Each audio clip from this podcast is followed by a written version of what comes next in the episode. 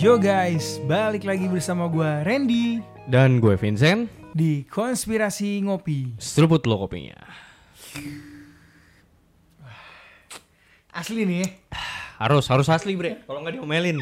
Sekarang udah banyak rules kita kalau uh, nge-podcast, iya. Banyak banget yang protes gitu.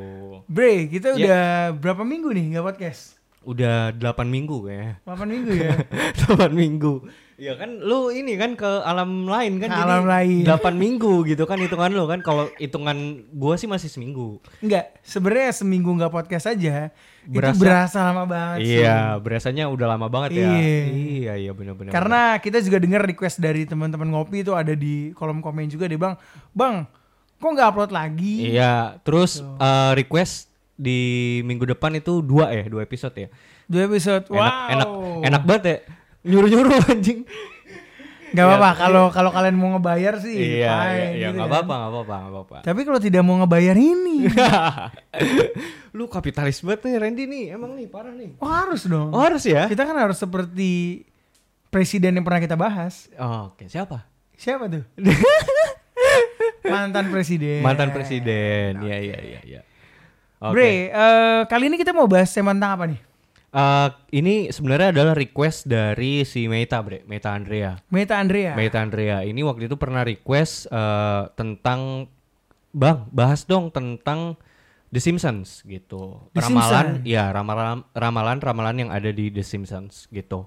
Oke, berarti kita kali ini mau ngebahas ramalan The Simpsons ya. Yes, benar. Oke, gue sedikit mau cerita aja. Jadi sebenarnya bukan hanya The Simpsons yang bisa meramalkan Hmm. suatu kejadian gitu. Hmm. Bahkan Bung Karno pun bisa meramalkan suatu kejadian. Oh ya? Ya? Iya. Apa tuh?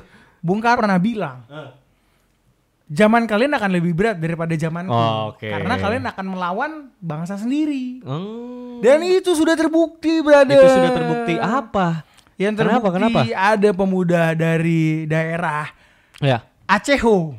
Hmm. Aceho ini suatu negara bagian di Los Santos. Los Santos. Oh, negara bagian Los Santos. Karena kita ya. tinggal di Los Santos Benar kan. benar benar benar. Uh-uh. Itu diculik bro oleh pasukan angkatan sendiri, pasukan pengaman presiden nyulik dia bro. Presiden Los Santos. Presiden Los Santos. Punya pengaman presiden, nangkep, ditangkep. Nyulik dia minta Diculik. tebusan. Oh. Sampai akhirnya Modus. mati. Modus dong Wah, jatuhnya. modus bre. Oh, minta tebusan. Minta tebusan. Anjing jahat banget ya. Dan ternyata kasusnya banyak, bukan cuma dia yang diculik, tapi ya kita turut berbelasungkawa lah karena yang meninggal dia. Oh, bukan cuman satu. bukan cuma satu. Jadi kejadian itu udah beberapa kali Hmm. dilakukan oleh yang namanya oknum ya. Oknum ya. Oknum itu tapi kok banyak? Ya, nggak tahu. Di Los Santos sering terjadi. Los Santos. Sering terjadi. Ya, itu Los Ya. Santos lah. Los Santos, Los Los Santos. Santos. Los Jadi Santos. prediksi Bung Karno Hmm, hmm, ternyata kejadian di Los Santos, Iya, Bro. iya, iya. Hmm, anjir. Gokil ya. Macem-macem ya kejadian yang ada di Los Santos ya. Macem-macem. Aneh-aneh. Aneh-aneh. Nah, eh, ini sebanding dengan eh, negara tetangganya. Nih kalau ini di Indonesia, Bre. Di Indonesia. Di Indonesia, kalau ini di Indonesia. Lu inget gak eh, waktu kita ngebahas tentang episode eh, Soeharto yang lalu? yes. Bagaimana kita merayakan 78 tahun kemerdekaan Indonesia, Yes. ya kan? Dan di situ kita bilang bahwa negara Indonesia sendiri kan emang udah merdeka. Yes. Tapi pada nyatanya gue juga berharap kan di Indonesia ini moralnya itu semakin lebih baik gitu bre. Tapi ternyata tidak demikian. Kenapa tuh? Kenapa tuh? Kenapa tuh? Tidak demikian. Jadi pada belakangan ini, belakangan ini tuh ada berita bre. Ada berita. Lu tahu nggak sih kasus yang youtuber Pratiwi itu bre? Oh, I see. Anjing kan? Gokil kan? Yang dia ngebiayain anak-anak jalanan, Anak-anak jalanan ODGJ. ODGJ. Jadi dia tuh ngambil eh, ibu-ibu ODGJ dari jalanan random, Bre. Diambil secara random terus dirawat di rumah ya. Mhm. Eh, sampai kan ada beberapa ibu-ibu ODGJ itu eh, lagi mengandung begitu ya. Sampai eh, melahirkan anak, anaknya diurusin sampai gede, Bre. Sampai umur 10 bulan atau 8 bulan pakai duit sendiri Wow. dan tiba-tiba ada dari nih gue langsung ngomong aja lah dinas sosial tiba-tiba ngegeruduk dia datang dengan embel-embel mana legalitasnya Wow. Jadi diambil gitu aja si anak itu dibawa ke panti dinas sosial Jadi orang berbuat baik aja dipersulit. gila Gila kan? Nah, itu tingkat moral yang kemarin kita bahas. Tingkat moral Indonesia eh, saat ini. Seperti itu, Bre. Gila loh, gila, gila, gila, gila. Gokil ya, gokil ya. Gokil. Enggak gini, Bre. Sorry ya, maksud gua eh ini kalau memang oke lah katakanlah gini, Bre. Gue gini ya, gua harus entah kenapa rasa kemanusiaan gue tuh bergejolak di sini, Bre. Ngelihat sesuatu yang jang ini janggal gitu loh maksud gua. Gini loh, kita kadang-kadang mau berbuat baik aja tuh banyak banyak yang kita pikirin gitu. Maksudnya, oh kita mau terjun ke jalanan, bagi-bagiin makanan ke jalanan kayak gitu-gitu. Itu aja cuman planning gitu loh nggak kejadian lah ini bre ini orang ini gua gua sekali lagi gua nggak mandang dia sebagai content creator ya tapi as a human sebagai seorang manusia gitu dia ini dulunya tuh udah enak bre dia ini pramugari, Pramugari. mantan pramugari yang mendedikasikan hidupnya untuk ngerawat saudara-saudara kita ODGJ yang nggak kelihatan kan sebenarnya Hmm. maksud gua men gua ya gua sendiri aja ya mikir 100 kali lipat kali buat ngelakuin apa yang dia lakuin, Bre. Sorry itu saya maksud gua eh, maaf-maaf gitu ya eh, mandiin orang-orang random ODGJ di jalanan tuh ya gimana sih, Bre? Iya, iya. Ya kan? Itu dibutuhkan rasa perikemanusiaan dengan tingkat level tertinggi. Wah, gue tuh gue gue tuh sampai yang ini ini ini gue ya, gue tuh sampai nitikin air mata ketika pas si eh, youtuber Pratiwi ini, Mbak Pratiwi ini eh, anak-anaknya dalam tanda kutip ya anak-anaknya itu diambil sama dinas sosial.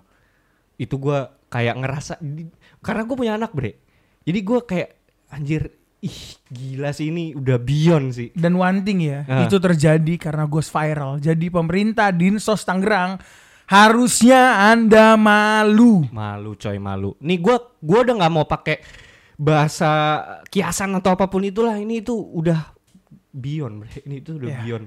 Dan dan dan tiba-tiba di situ ada di dalam kontennya itu ada uh, ibu-ibu lah ya, mbak-mbak yang pakai apa tuh namanya hijab Kerudung hitam. kerudung hitam. Itu dia bilang makanya guys harus selesai prosedur gue tulis ya kan di di apa kolom komentar Instagramnya Pratawi prosedur kontol gue tulis iya bre Lo udah bukan pakai lagi KNTL. KNTL, Oh, KNTL, KNTL. KNTL. Singkatan Ma- biasa masih, ya? ya gitu lah. Iya. Gue gua tulis prosedur KNTL. Gue bilang, maksud gue, anjing ini orang mau buat baik loh, gitu loh. Maksud gue, orang mana, bre? Eh sorry gitu, maksud gue, yang yang bisa kepikiran buat ngambil orang-orang yang nggak dipandang gitu loh, terus dirawat. Ya udah, sekarang ngomong gini, dia itu kan karena buat konten, lah pakai duit sendiri anjing. Dan berapa berapa puluhan bayi itu dibawa ke Dan rumahnya loh. kontennya menguntungkan kok. Menguntungkan untuk ODGJ-nya ODGJ dirawat segala macam. Iya. So what? Dan oke, terus dia bilang eh, Mbak Pratiwi ini menggunakan hasil dari AdSense kontennya itu buat ngidupin si anak-anak itu ya kan Iya, kayak jadi ya bagus. ya bagus kan. Ya bagus. Terus tiba-tiba bre, lu lu bayangin lu di posisi dia gitu ya. Lu ngerawat anak-anak itu yang dia bahkan ya, anak-anak itu aja di ini gua sorry nih harus panjang nih karena ini ini jadi concern gua nih gitu loh. Maksud gua dia ngebalikin ke keluarganya yang di kampung gitu, eh, bayi-bayi itu. Terus keluarganya sendiri aja nggak nerima bre, bayi-bayi itu Wow. gitu dan dia rela dengan sukarela ya udah nggak apa-apa ini saya urus jadi dia kayak nganggap itu tuh udah kayak anak dia bre terus tiba-tiba 10 bulan kemudian lu udah ngerawat ngebesarin kayak gitu terus tiba-tiba 10 bulan kemudian dinsos datang mau ngambil anjing. Kayak nangis pecah lo di situ dia bre. Uh gila gue sih. Nah tapi gini tapi eh, pada akhirnya akhirnya kan gue viral dia kan terus viral dan memang eh, mengalami banyak kecaman gitu. Maksud gue sebobrok-bobroknya moral kita sebagai masyarakat Indonesia ternyata eh, kita masih masih bisa sadar. Orang tuh juga se sejahat apa juga pasti kesel lah sama hal begitu. Gitu loh. Akhirnya viral dan si Mbak Pretiwi ini muncul di banyak podcast akhirnya. Dan muncul di Denny Sumargo juga podcastnya. Sehari setelah tayang dari Denny Sumargo akhirnya eh, di situ kan dia juga mention Pak Jokowi terus sama Bu Risma. Akhirnya dari Bu Risma ngambil tindakan untuk ya udah eh, ngebalikin anak-anaknya. Akhirnya udah udah balik lagi sih ke pangkuannya si Wow, puji Tuhan. Ah, ah, gitu cuman pada akhirnya kita ngerti ya di sini ada ya gitulah Again shout out lah untuk Mbak Mbak, Pratiwi. Pratiwi, Gila, dan orang-orang seperti beliau. Ya asli, gua gokil sih gua gua harus angkat topi sama orang ini. Gua tuh kayak mikir dia ini malaikat berupa manusia anjir. Maksud gua itu beyond sih orang yang kayak gitu tuh Gila sih. Dan gue mau sedikit cerita nih. Ah, Ini sedikit aja teman ngopi. Jadi pengalaman gue waktu di Siantar ya. Ya. Jadi gue berkunjung ke salah satu panti asuhan di Siantar. Panti asuhan ini tuh semacam sama kayak Mbak Pratiwi. Hmm. Jadi dia mengasuh ODGJ. Dan itu pakai duitnya sendiri. pakai duitnya sendiri Oke. dan gue pertama kali datang ke situ gue ada videonya lah nanti Ya, mungkin ya, ya. kalau teman ngopi mau lihat gue bisa upload videonya di IG. IG gue lah jadi gue datang ke situ gue Oh, di ini aja bre di TikTok. konspirasi, Konspirasi ngopi, ngopi. Iya. Ya. gue datang gue bener-bener nangis bre Kenapa tuh? satu Oke. Ah, ini panti asuhan Kristen lah Oke, panti asuhan oke, Kristen oke, oke, oke. memang yang asuh itu adalah ibu pendeta dan bapak pendeta Oke. dan yang gue miris adalah mereka miskin bro Aduh. di saat kemiskinannya itu Hmm. lu nolong orang bro What? Oh, oh sorry. Jadi yang punya foundationnya sendiri pun kurang mampu. Miskin. Iya. Sorry, gue bukan bilang kurang mampu ya. Kalau gue lihat dari kacamata orang Jakarta, miskin bro. Wow. Gue datang ke situ, gue lihat dia ngasuh segitu banyak itu kurang lebih ada 20-an orang ya. 20-an orang ODGJ dan ada sekitar 5 sampai 8 anak kecil lah. Anak kecil. Bahkan ada salah satu bayi namanya Ella, dia sekarang udah umur satu tahun. Itu ini anak eh, jadi dilahirkan dari salah satu ODGJ itu. ODGJ diperkosa, ngelahirin anak, diasuh juga sama ibu bapak pendeta ini. Dan satu hal yang gue cintai dan gue suka adalah mereka ngasuh dari mana aja, tidak mandang agama. Enggak mandang. Oh, wow, wow. Gila, gila, gila, gila sih. Ini, ini, ini beyond sih. Karena maksud gua eh inilah maksudnya yang, yang kita encourage ke teman-teman ngopi juga. Maksudnya ketika kita ngebawain podcast gitu. Maksudnya eh yang ingin kita sampaikan di sini tuh supaya menjadi impact juga gitu, Bre. Buat gerakan paling enggak se sepercik api gitu di dalam diri kalian yang mendengarkan podcast ini bahwa maksudnya yuk kita sama-sama ngebangun manusia gitu loh. Maksudnya bangkitinlah kemanusiaan lo gitu. Meskipun apa pun itu halangannya yang terjadi atau apa pun itu percayalah bahwa orang-orang baik itu ada gitu bre. Yes. gitu. Gitu sih. Dan mantap, mantap. dan wah gokil sih. Gua gua udah kalau yang tadi soal Dinso Sanggrang aduh gua udah Udah nggak bisa berkata-kata lah ya. gua nggak tahu lagi gua. Udah wak wow. udah udah why beyond why anjir udah. Nggak tahu lagi gua anjir. Sumpah dah. Ini judulnya aja Kementerian Dinas Sosial loh bre. Sosial mananya ini anjing? Kayaknya itu salah itu dinas sosial bukan dinas sosial manusia dinas sosial iblis kayaknya harusnya itu. Wak, wak, wak, wak, wak. iya loh bre. Gokil. Maksud gue dari sekian banyak anak terlantar di jalanan kenapa anaknya dari Mbak Pratiwi itu yang mau diambil?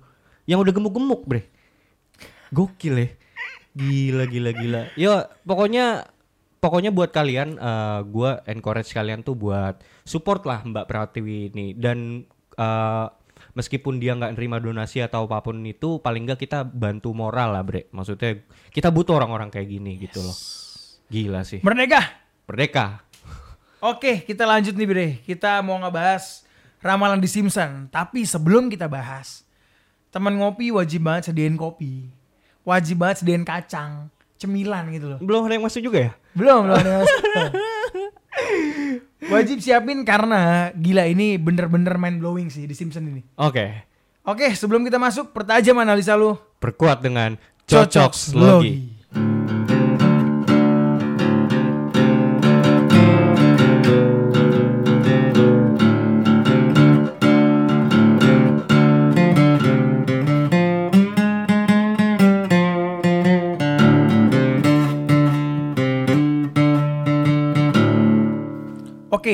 kita mulai dari sejarah singkat The Simpsons. yes Jadi The Simpsons adalah serial kartun komedi Amerika Serikat. Hmm. Wajib digarisbawahi ya komedi.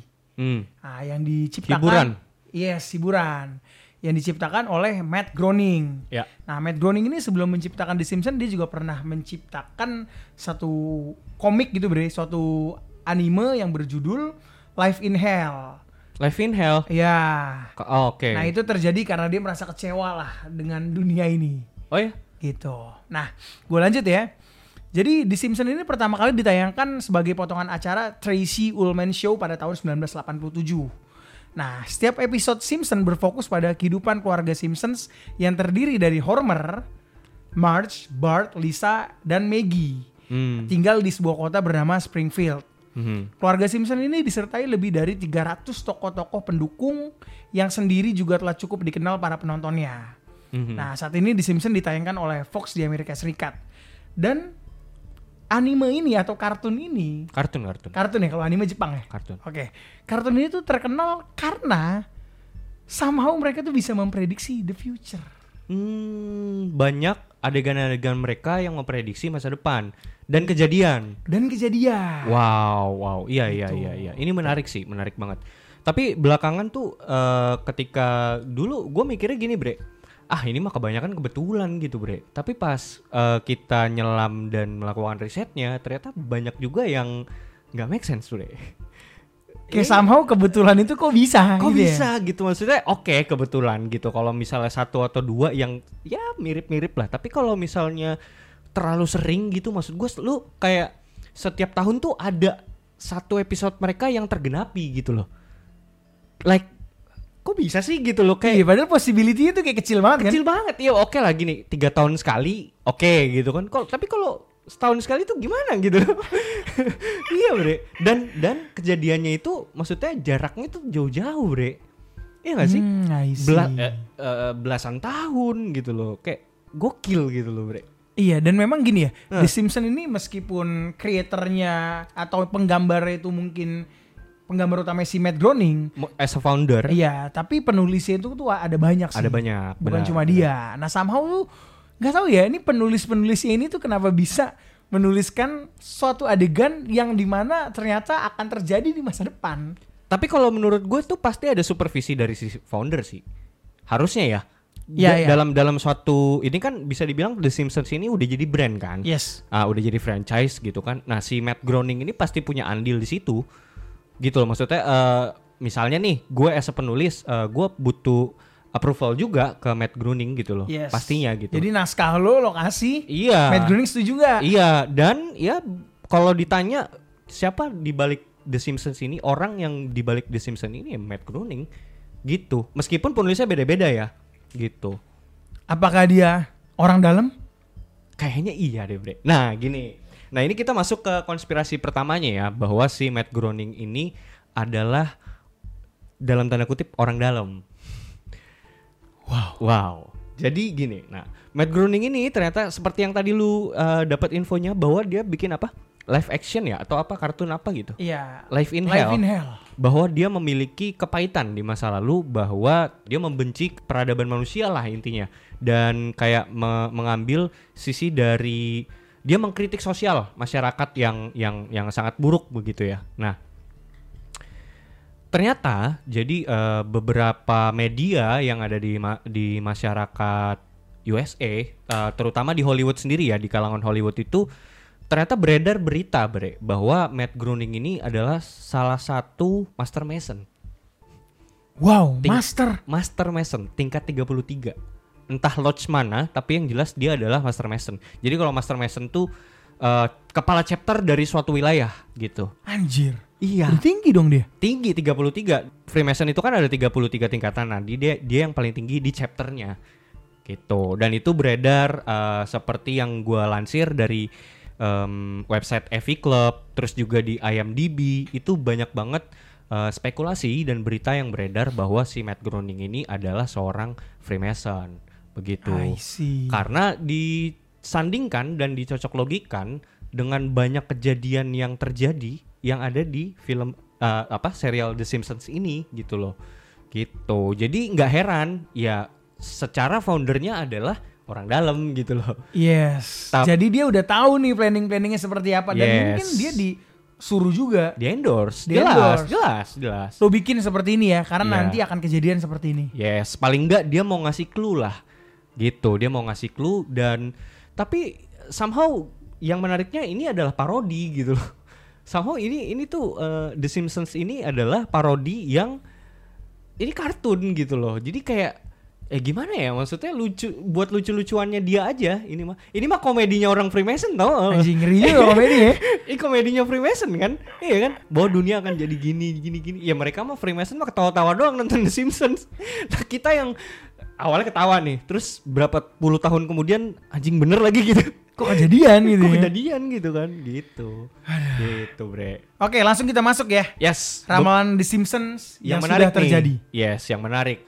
Lu juga udah ngumpulin beberapa ini ya, beberapa adegan atau episode The Simpsons yang udah kejadian ya. Oke, dari lu yes, dulu. oke dari gua. Ini ada ramalan The Simpsons Hmm. yang menunjukkan bahwa Elon Musk akan membeli Twitter. Oke. Nah, Itu kejadian tuh di tahun 2022 Elon Musk beli Iya, Twitter. Iya. Oke. Ini ada di episode The Simpsons yang judulnya The Mask Who Fell to the Earth 2015. 2015 ke 2022, 22. 7 Seven tahun. years. Ya. Oke. Nah, adegannya itu jadi kayak si Lisa nih, Lisa Hmm. tuh anaknya, Anaknya Homer yang gitu kan. cewek, yang cewek. iya. Oke. Dia ngeliat kan kayak ada sangkar burung. Iya. Nah, itu bertuliskan home tweet home. Oh, gitu. Jadi bukan home sweet home. Iya, iya, iya, iya. Home tweet home. Home tweet home. Ah. 2015. 2015. Du- Udah ada Twitter belum sih? Udah, udah ada. Oh, udah ada ya. Lagi rame-rame itu Oke, Twitter. oke, nah, oke. Nah, di terus situ Lisa lagi mau ngasih makan anak burung di home tweet home itu. Oke. Lalu tiba-tiba anak burung itu diserang oleh elang, Bre. Oke. Elang gede lah. Nah, diserang, di, diambil gitu loh anak burungnya. Terus pas ketika si elangnya itu mau kabur, Hmm. di situ muncul tuh pesawat UFO. Mhm. Kayak semacam roket tapi bentuknya kayak pesawat UFO lah. Di situ Iya, kayak iya. ada api-api segala macem. Di situ elangnya dibakar. Hmm. Nah, elangnya dibakar tiba-tiba di situ muncul kayak satu sosok yang peradabannya itu lebih maju lah. Hmm. Lebih maju. Muncul dari UFO itu. Ya. Oke. Dibukalah apa namanya kayak astronot gitu kan. Ah, oke. Ketika dibuka ternyata Elon Musk. Oh, gitu. Nah, Elon Musk si Homer langsung ngelempar Elon Musk tuh pakai apa namanya tongkat baseball. Ah. Elon Musk ngindar terus si Lisa kayak bilang, "Pak, udah udah jangan, jangan dibunuh karena kita butuh dia juga. Apa kita sebagai manusia harus baik-baik lah." sama dia. Heeh. Oke. Nah, habis itu Elon Musk kayak langsung nawarin dan membuat kandangnya itu tuh diperbarui jadi lebih canggih supaya tidak bisa diserang lagi. Oh, Nah, kandangnya Twitter tuh di, dibentuk gitu sama si Elon Musk. Dan namanya ini bener-bener Elon Musk.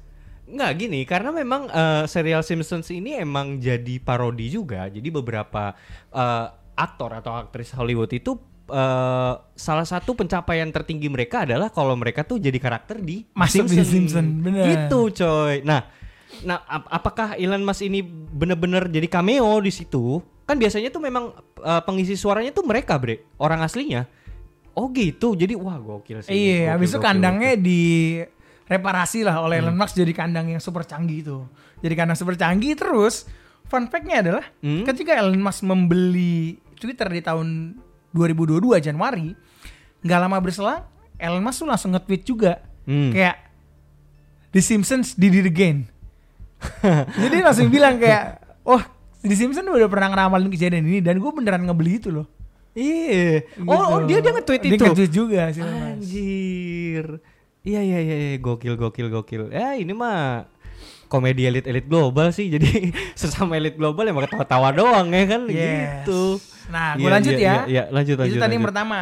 Eh, Yang kedua, yang kedua ini ah, perang antara Ukraina dan Rusia. hmm. Gitu. Nah, di Simpson pernah ngeramalin ini itu di satu episode mereka yang berjudul Simpsons Tide tahun 1998. Oke, 98. Iya, saat itu tuh ceritanya delegasi Rusia sedang berdebat sama delegasi USA di kartunnya tuh. Hmm. Nah saat berdebat, tiba-tiba si delegasi Rusia itu kayak ngebalikin papan nama.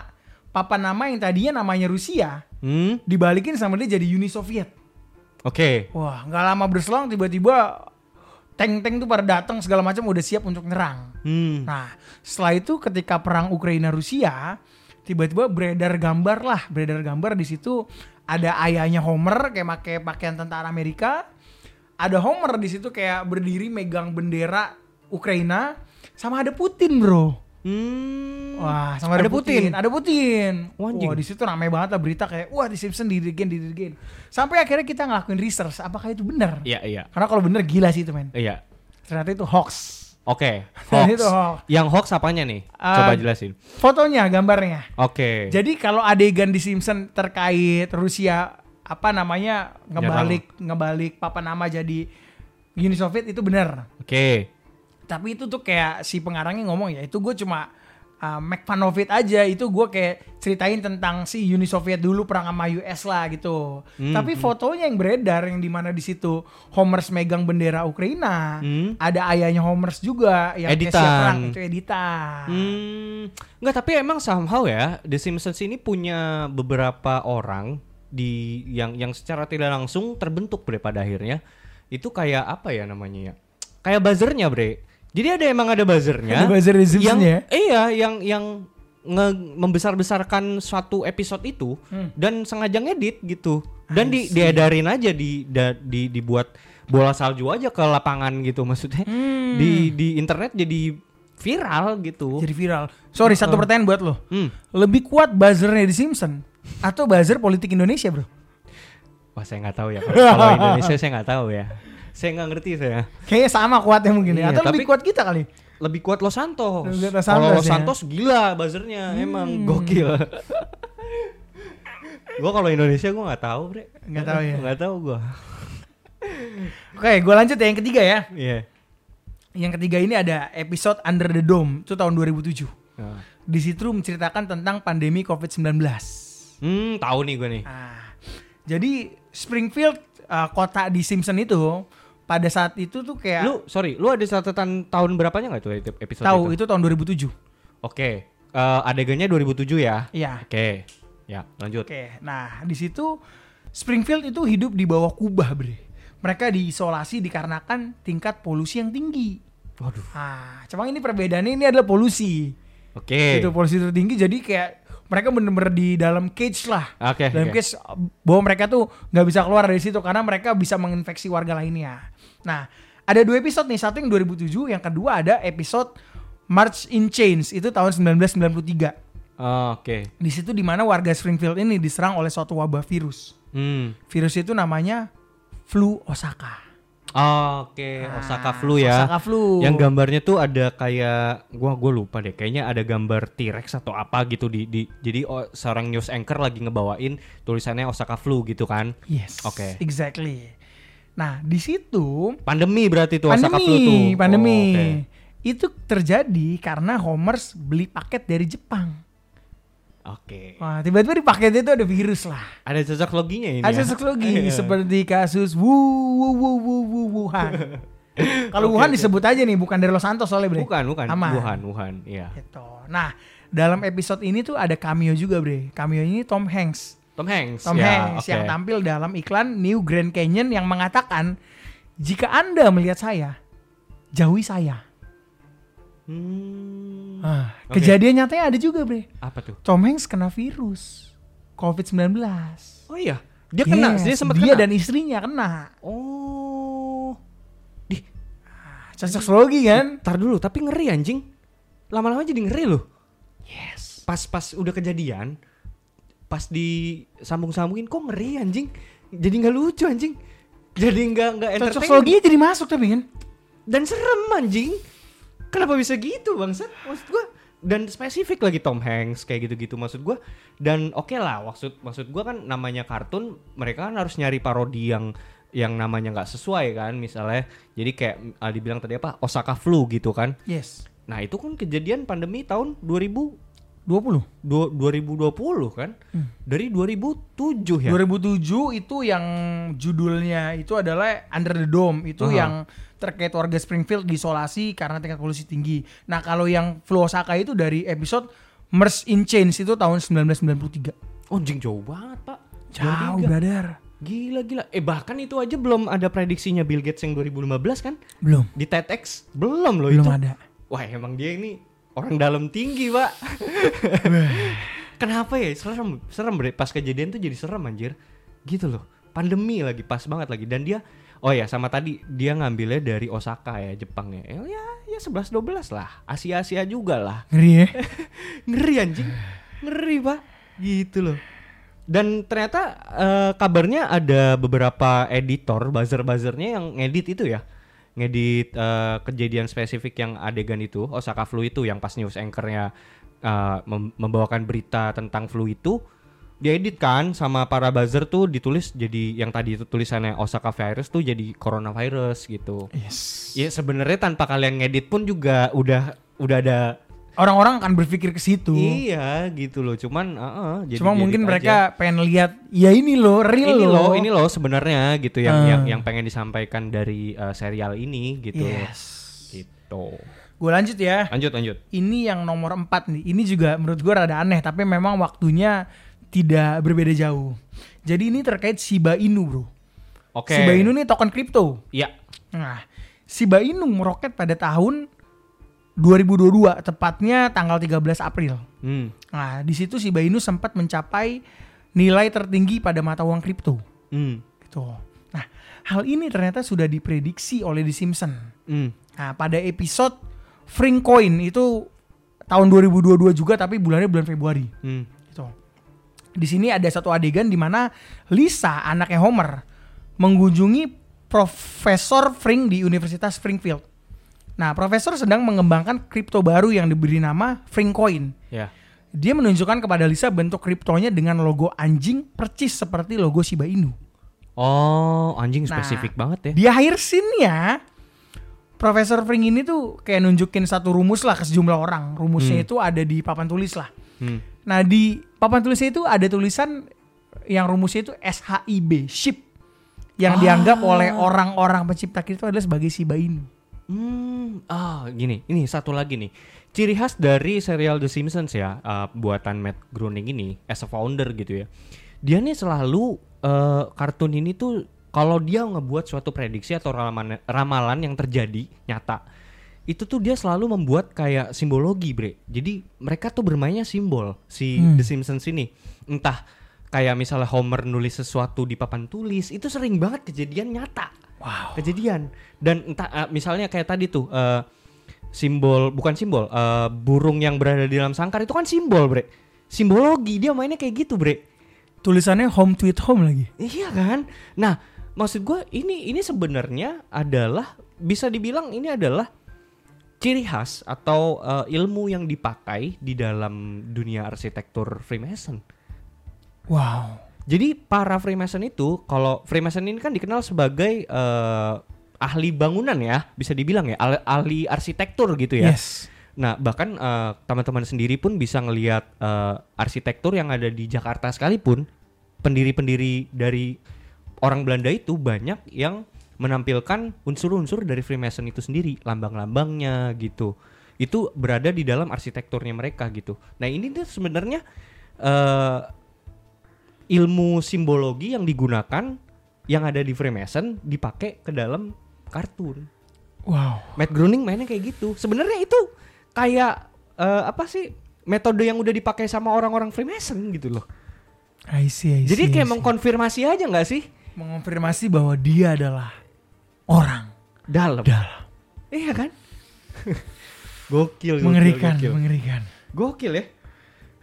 Nih doi udah lagi ketawa-tawa aja nih.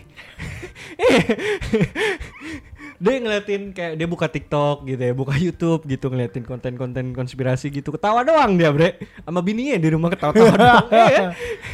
Ketawa dia mah. Aduh, aduh. Gue lanjut ya. Eh, Gue lanjut yang keempat ini ada di 8 September 2022 eh, saat Ratu Elizabeth II meninggal dunia. hmm, Nah, konon katanya ini udah diramalkan oleh The Simpson. hmm. Jadi beredar bre di internet gitu ya. Terdapat gambar yang memperlihatkan Ratu Elizabeth berbaring di apa namanya itu tempat peti Tidur. mati. Oh, peti mati. Di Oke. peti mati dan di situ tertulis di batu nisannya 1926 sampai 2022. Pas gak tahunnya? Pas tahunnya kan Ratu Elizabeth meninggal tahun 2022 8 September. Anjing. Wah, di situ Gokil. jagat maya rame banget. Pasti, Bre. Pasti, pasti, pasti gitu, pasti. Sampai akhirnya kita telah dong. Ah, ah. Ternyata itu hoax. Hoax. Itu editan warganet. Editan itu buzzernya lagi. Editan buzzernya. Oke oke oke. Iya makanya jadi sometimes tuh eh, somehow ya eh, orang-orang yang buzzernya si The Simpsons ini kayak ngebuat kultus gitu bre.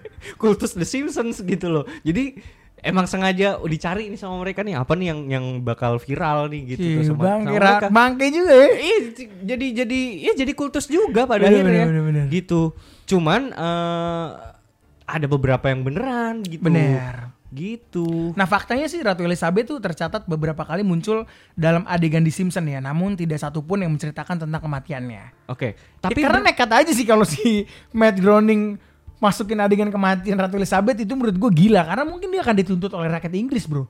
hmm, iyalah, jelas lah. Tapi beneran si Ratu Inggris pernah jadi cameo juga di situ.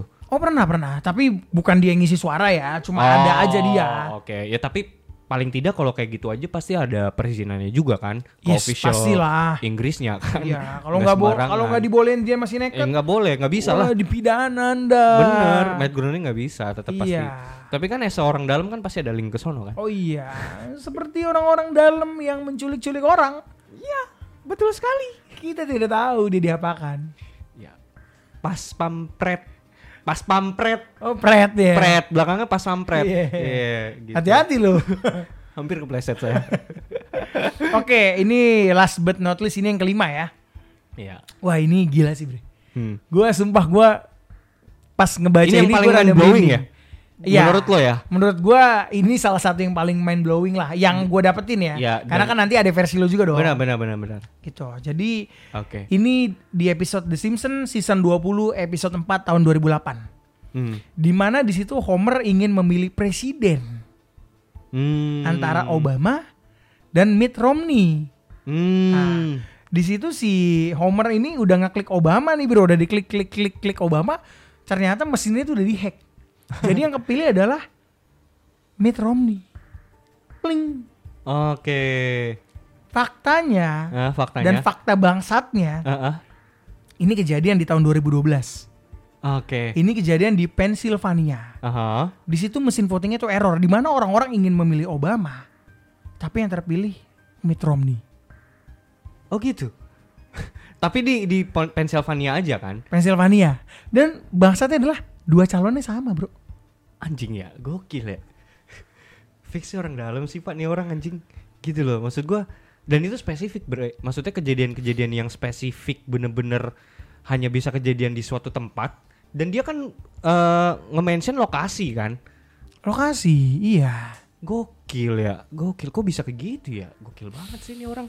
Matt Groening ya. Matt gokil, Groening. Terus gokil, kan gokil. ada flashback tuh yang apa namanya si Donald Trump dada-dada di Ah, itu, eskalator. itu yang paling terkenal tuh. Itu yang paling terkenal. Tapi beberapa orang skeptis yang yang mencoba untuk mendinai itu ya, beberapa beberapa bilang ya itu kan bisa aja si Donald Trumpnya itu eh, atau dari tim ses dari Donald Trumpnya itu berusaha untuk merealisasikan eh, series itu. Bisa, bisa, bisa gitu kan bisa, sebenarnya bisa kan. gila.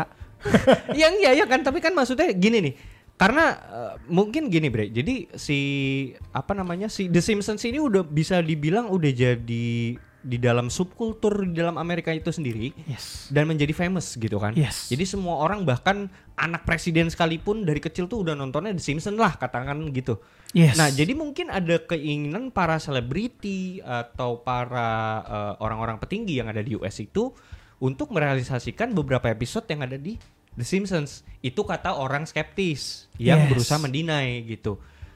I, tapi kalau dari sisi gua sebagai seorang yang katakanlah nih gue seorang seorang tim ses gitu ya. Tim tim sukses presiden gitu. Kayak effort dan buat apa? Pertanyaan gue gitu doang. Effort satu. Effort banget kan? Dan buat apa gitu loh. Ya nggak sih? Setuju, setuju, Iya ya buat apa gitu loh kalau hanya untuk hal itu dan ada juga kan yang salah satu foto pemimpin dunia tuh yang megang satu apa tuh bola kaca itu loh dan real fotonya ada gambar yang ada di adegan Simpsons juga ada Wow. Iya kan? aduh gue bingung dah gue tuh gimana ya maksudnya gue mau mendinai juga tapi banyak banyak banget yang ada kejadian gila sih Dan gokil. serunya adalah gini, Hmm. sebenarnya kalau The Simpsons nulis misalnya tahun 2012, Hmm, hmm. kejadiannya tahun 2013 2014. Ya. Oke, itu ah, ya udahlah ya. Hmm, hmm, hmm. Kebetulan yang akan kita maklumi, tapi Ya. kalau mereka menuliskan itu misalnya bisa berjarak 5, 7, 10 tahun, kan kita nggak tahu ya kalau Hmm. misalnya dia membuat adegan Donald Trump dari, dari, dari eskalator terus tiba-tiba sebelum itu kejadian Donald Trump udah meninggal Iya juga sih. karena jaraknya tuh jauh bre Oh iya iya. Dan tapi tapi tapi langsung kejadian ya. Maksudnya kayak ya beneran kayak predict the future aja. yes Dia kayak ngegambarin adegan yang ada di masa depan. Kayak si nggak tahu ya timnya si siapa? Timnya The Simpsons ini kayak punya mesin waktu gitu loh ke masa depan. atau Iya jangan-jangan dia time traveler Iya iya iya itu kan pikiran liarnya gitu kan. Tapi ya paling alternatif yang bisa dikatakan adalah mereka tuh emang punya udah punya apa work plan bre. Jadi tinggal di hari ini kita ngejalanin nas- naskah yang mana nih? Gitu. Hmm, seperti Christopher Nolan. Iya kan? Kurang lebih kayak gitu kan? Kayak gitu. sama Gitu. gilanya lagi mereka berdua. Iya gokil ya. Gokil ya Christopher Nolan ya gitu. Nah, oke lanjut bre. lanjut ya. Eh, ada nah ini kalau ini dari versi gua nih. Gua mau mengebuka episode dari The Simpsons ini tentang eh, ada tiga sih dari gua yang menarik ya cukup menarik dari gua. Yang pertama itu ada tentang episode tentang Freemason bre jadi ini sebenarnya si Matt Groening ini kayak lagi ngegambarin klubnya dia aja ini. Hmm. tapi lucu lucu banget sumpah dah. Itu di di di kartunnya tuh bener-bener lucu banget. Karena si Homernya sendiri tuh kayak eh, dia tuh berusaha untuk masuk ke dalam jadi kalau di kartunnya namanya tuh nggak eksplisit disebut Freemason tapi Stone Cutter. Stone Cutter? Stone Cutter nama nama ininya nama klubnya gitu. Nah si Homer ini pengen masuk ke family-nya Stone Cutter ini gitu nah setelah dia masuk di dalam Stone Cutter ini bener-bener dia tuh jadi orang yang punya banyak privilege gitu jadi ketika ada macet dia nggak kena, kena macet terus dapat banyak privilege lah di mana dia tuh jadi warga negara yang sering dapat privilege lebih lah dibanding masyarakat-masyarakat pada umumnya karena dia menyandang member Stonecutter itu. I Gitu. see Nah ini gua secara spesifik eh, episode ini The Stonecutter ini bisa ditonton di episode 12 season 6 yang tayang pada 8 Januari 1995. Judulnya Homer the Great. Nah jadi di situ ada cameo di situ yang muncul sebagai dari eh, Master Masonnya dari chapter itu kan namanya Stonecutter tuh. Nah di situ dia tuh namanya kepala chapter lah, kepala chapter si Stonecutter itu namanya Patrick Stewart. Patrick Stewart itu yang meranin Profesor X Bre, Wah, di film X-Men. Nah dia itu jadi Master Mason versi The Simpsons gitu, oke gitu. Nah ceritanya tuh gini si Homer itu pengen masuk ke dalam membership Stonecutter. Terus dia nanya sama bapaknya yang which is dia adalah kakek dari anak-anaknya kan. Gitu. Pak, punya itu enggak eh, kartu membership Stonecutter minta dong gitu. Terus dia cari gitu kan. Oh, ada nih eh, membership LGBT sedunia, membership komunisme gitu. Di, dicari di dalam dompetnya. Jadi banyak bre, lucu ya. Jadi banyak di dalam dompetnya tuh Oh, ada mem- banyak pilihan ada banyak pilihan membership gitu dia membership semasa muda tuh membershipnya banyak lah si kakek itu ketemulah uh, kartu membership Stonecutter itu akhirnya diajaklah si kakek si kakek itu atau si bapaknya Homer itu ke perkumpulan Stonecutter itu yang which is kalau dalam dunia Freemason sendiri disebut lodge ya. Jadi dia datang ke suatu rumah atau lodge pondok gitu tempat uh, orang-orang petinggi itu berkumpul di situ. Dibawalah datanglah ke situ akhirnya di situ ketemu dia sama Patrick Stewart si uh, pemimpin dari chapter Stonecutter itu. Akhirnya di situ dijalankanlah inisiasi yang sering terjadi di dalam tradisi Freemason. Kayak misalnya tradisi si Homer itu didorong dari jurang bla bla bla kayak gitu. Terus juga Homer juga di situ diinisiasi pakai penutup mata. Dan itu umum. Di Freemason tuh tradisi itu juga umum bre. Jadi orang yang mau diinisiasikan ke dalam member biasanya dipakein baju orang yang mau digantung di depan umum. Tahun medieval tahun tahun pertengahan. I see. Jadi kayak orang yang mau dihukum mati bre. Uh, Hmm. pakai jubah gitu ya? Baju putih kayak gitu-gitu. Terus terus digantungin di lehernya tuh ada tali tali buat ngegantung gitu loh. Terus matanya ditutup pakai kain gitu. Nah itu sebenarnya gambaran yang ada di dalam Freemason. Kayak gitu. Akhirnya udah selesai diinisiasi Homer setelah dia diinisiasi dan jadi official membership dia dapat banyak privilege yang nggak banyak orang-orang masyarakat umumnya dapat gitu. Kayak misalnya yang kayak tadi gua udah jelaskan di dalam kemacetan dia dapat privilege dia dapat jalan pintas kayak gitu-gitu bre. Gitu-gitulah pokoknya. Nah paling tidak sebenarnya ini tuh jadi suatu episode yang paling apa ya remarkable dari The Simpsons ini sendiri jadi bahkan episode ini diklaim oleh kritikus dan media Hollywood menjadi the best episode of the shows dan mendapat rating tertinggi selama satu minggu perdana penayangan di channel Fox Network. Really? Iya. Jadi ini adalah episode favorit orang-orang USA. gitu. Tapi dari namanya The Stone Cutter. Stone, Stone Cutter. Pemahat batu. Pemahat batu. Ih, Seperti Freemason. Freemason. Cocok logi banget. Bener-bener cocok logi. Iya maksud gua ini kan si siapa Matt Groening ini lagi ketawa-tawa buat ini bre. Anjing banget kan kayak kayak yang ya ini loh gitu loh ini loh kita gitu loh maksudnya bangsat gak sih gitu oke lah kalau itu kan buat senang-senangnya doang bre istilahnya di episode itu gue sih nggak terlalu ya ya ya udahlah Freemason ada gitu kan ya bahkan lu gak usah riset jauh-jauh anjing lu ke Jakarta anjing banyak banget itu bangunan dia Yes. Iya kan Yes. Nah mungkin itu bisa jadi episode seru juga tuh ntar kita bahas-bahas kayak gitu. Nah ada nih satu episode yang bener-bener bikin gua mind blowing banget di episode ini dan wah ini gokil sih parah ini ini yang bikin gua yang tadinya ketawa-tawa tuh jadi mingkem mikir anjing maksudnya kok bisa anjing gitu loh. Waduh, episode apa nih, Bre? Ah ada jadi di episode 2 season 10 judulnya The Wizard of Evergreen Terrace. Ini episode ini tayang perdana di saluran Fox pada 20 September 1998. 98 nih. 98 ya. Anjing 98 banyak kejadian berarti ya. Kejadian apa tuh? Lihat episode kita sebelumnya ya. Oh, Oke. Eh, di situ jadi ada satu adegan di mana si Homer itu eh, bertemu salah satu orang yang penemu lah. Dia bertemu seorang ilmuwan yang menemukan eh, partikel Tuhan, Bre. What? Partikel Tuhan. Tahun 98 loh. Tahun 98 partikel Tuhan. Orang nemuin partikel Tuhan tahun 98. Nah, jadi God particle atau partikel Tuhan itu adalah apa sih God particle itu? Itu sebenarnya kalian bisa temukan referensinya di film Angels and Demons. Eh, Tom Hanks yang main. Iya, Tom Hanks yang main. Filmnya Christopher Nolan juga kan? bukan, Oh, bukan sih, bukan. Tapi eh, tapi gue lupa sih ya. Itu yang pembuatnya bener-bener terkenal juga kok. Kalau nggak salah dia yang main eh, yang bikin Da Vinci Code juga deh, Bre. Iya iya sama sama. Iya, tapi Nah. gue lupa siapa namanya tuh. Coba deh. Ada. Nah, di situ tuh si Homer itu ketemu salah satu peneliti lah ya gitu ya. Ket- eh, mereka mereka berdua ini dan peneliti itu pen- menemukan rumusan dari partikel Tuhan, Bre. Itu tahun 98. Oh si Homer udah menemukan. Mm, mm, mm. Jadi Homer itu di dalam adegannya menuliskan dan menguraikan kalkulasi dari besaran masa zat partikel Higgs boson atau partikel Tuhan 14 tahun lebih dulu sebelum ditemukan oleh CERN dalam proyek Large Hadron Collider pada tahun 2012. Wah anjir. Gokil ya lo. Gokil gak lo? Dan Gila sih itu. Gila anjing pas gue nonton ya pas di episode itu itu bener-bener si Homer lagi ngenulisin rumus-rumus eh, berat massa dari partikel Tuhan itu di papan tulis dan itu presisi mirip banget sama yang ditemukan sama CERN rumusannya. Wow.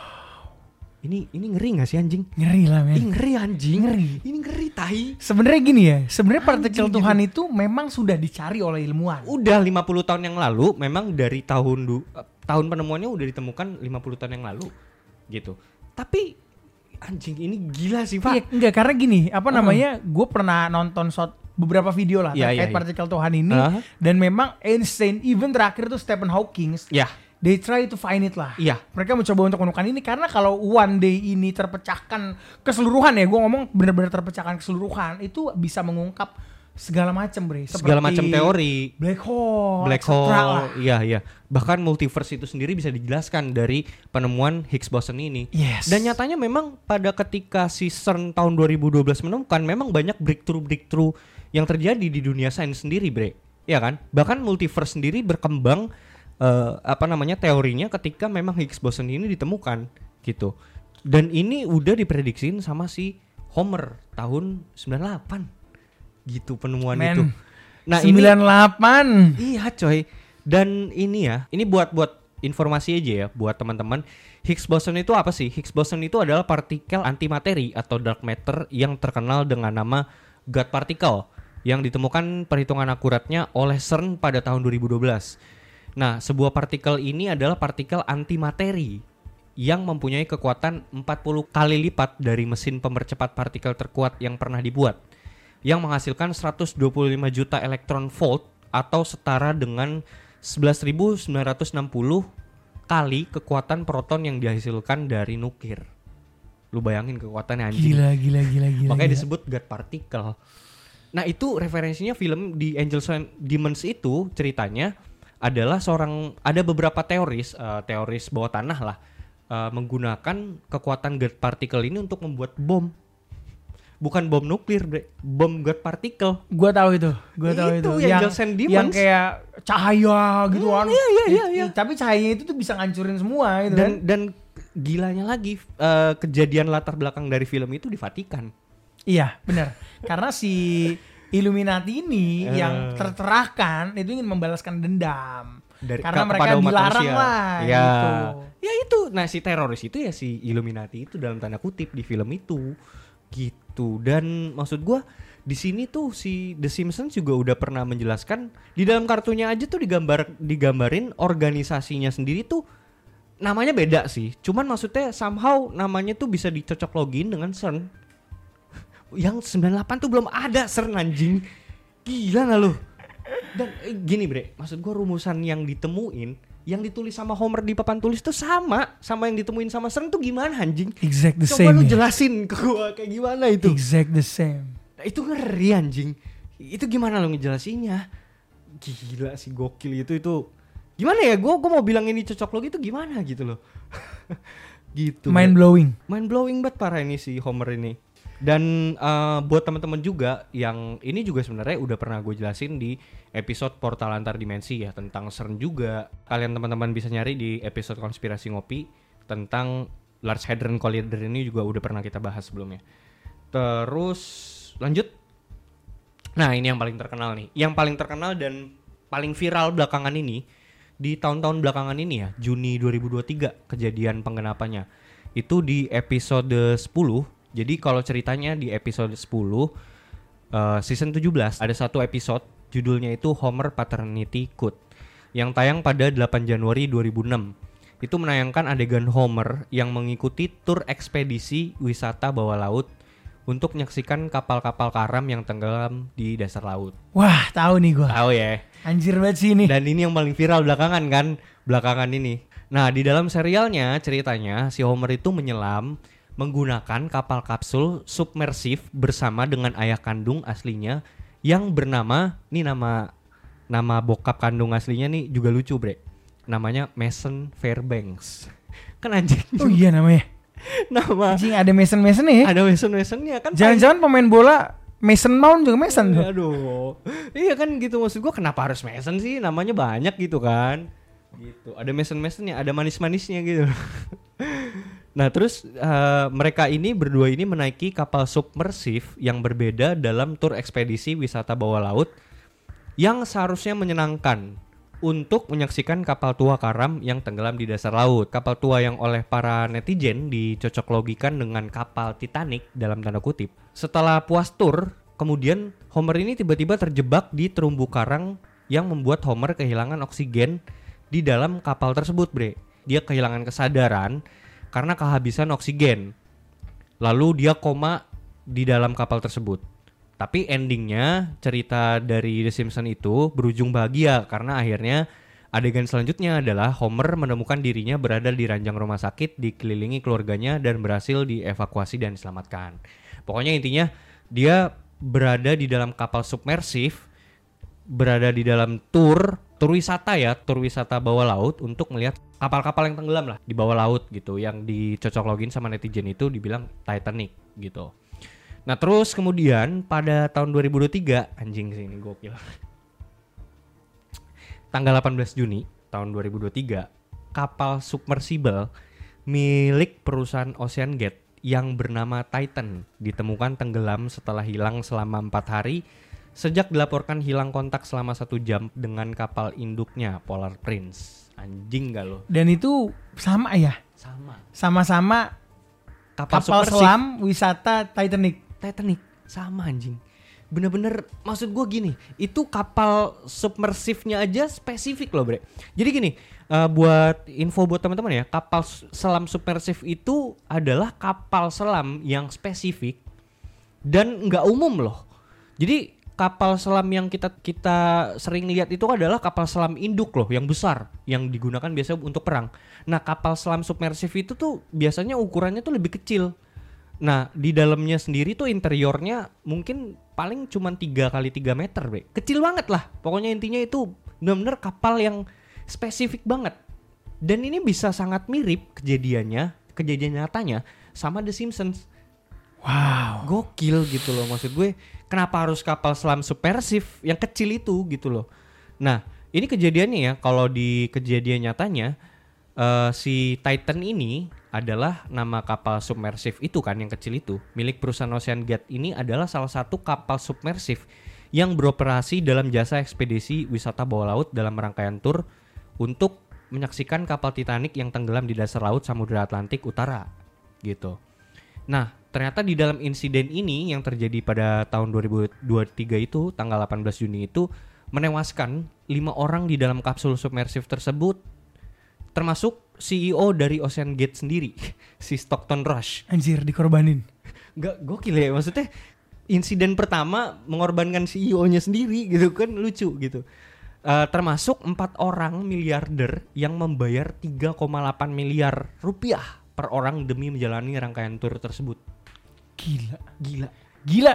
gila coy. Dan ini udah berhasil ditayangkan pada tahun 2006.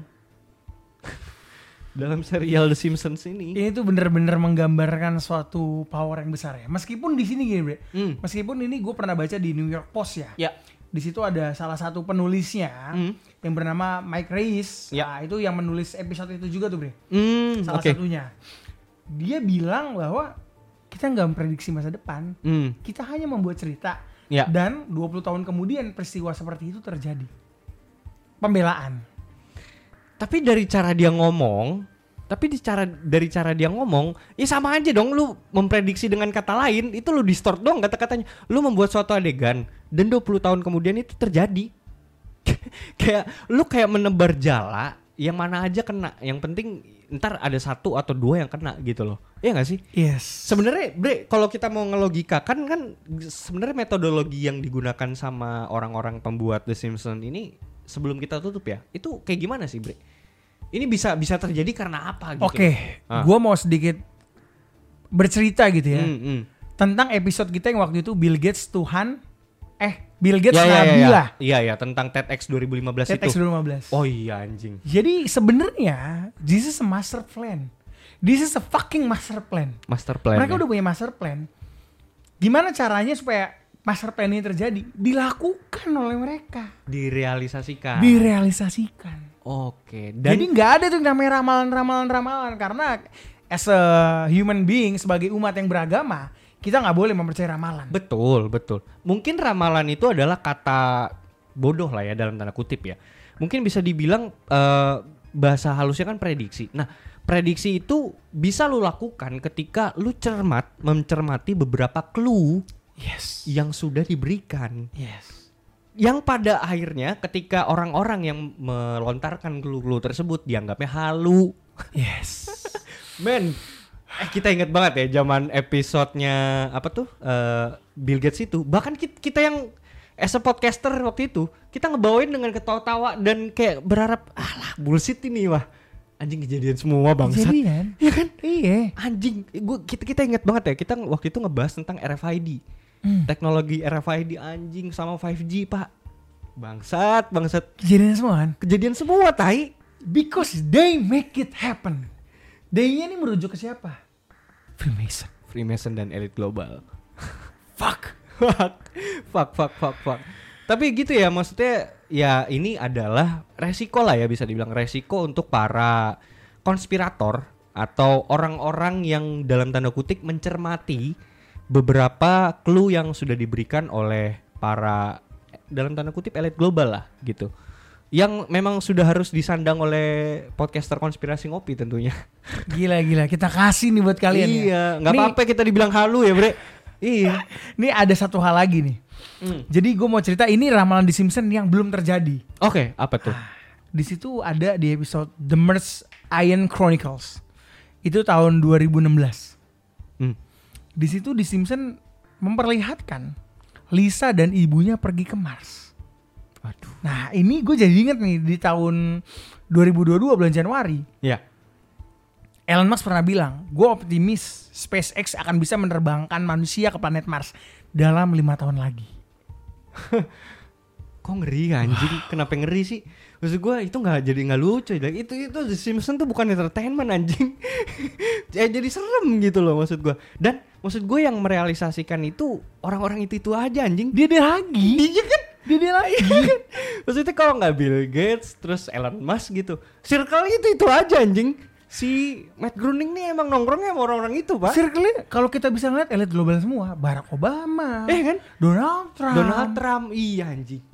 elit global ya? semua men. Dan maksud gua kalau ngomongin CERN bre, jadi gua eh, ketika gue delve in dan membahas episode CERN Large Hadron Collider itu, somehow CERN itu tuh ada hubungannya juga dengan Illuminati dan Freemasonry bre. CERN. Maksud gua kan berarti The Simpsons ini kayak ngebocorin beberapa rahasia yang ada di dalam lingkupnya mereka doang gitu loh bre. Yes, setuju setuju. Gila ya. Ah, gua nggak tahu lagi nih sama Matt Groening nih. Tapi ya paling tidak ini bisa menambahkan eh, mengafirmasi beberapa rasa penasaran gue tentang Matt Groening ini sih se- setelah gua riset ya. Jadi gua udah nggak heran sih sama Matt Groening pada akhirnya sekarang gitu loh. Jadi kalau misalnya dia ngelakuin sesuatu di masa depan apa gitu kayak ya ya ya udah Matt Groening gitu. Ya udah, orang dalam eh, ya orang kan? dalam gitu kan ya mau apa gitu kan. Once again ya, Nah. before uh, we close this podcast gitu ya. Hmm.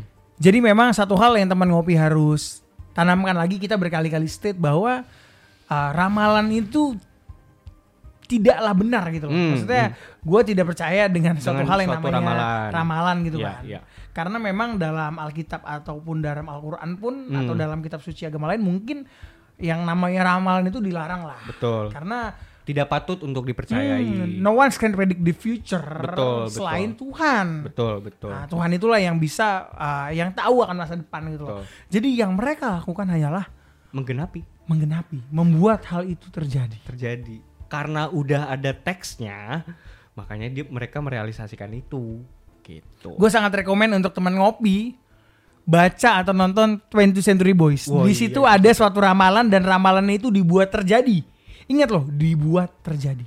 kalau di 20th Century Boy itu penulisnya itu tahun berapa dia nulis Itu 99 di awal. ya ya ya berarti se seangkatan ya sama Simpsons ini ya Iya. iya kan? Itu selesainya tahun 2000 berapa ya? 2013 2014 kayak selesai. hmm. Gila kan? anjing gokil ya gokil gokil gokil waduh gua nggak tahu gue tinggal di dunia yang mana sebenarnya anjing itu kan komen-komentar orang-orang itu kan ini sebenarnya what's going on with our fucking world gitu loh me gitu loh gokil gokil Oke, sekian dari gua, Bre. Lo mungkin ada tambahan nggak? jadi di sini gua menemukan bahwa Matt Matt. Groening ini dia adalah Freemason Master Mason yang berada di cabang entertainment Entertainment. Konspirasi ngopi. seruput dulu kopinya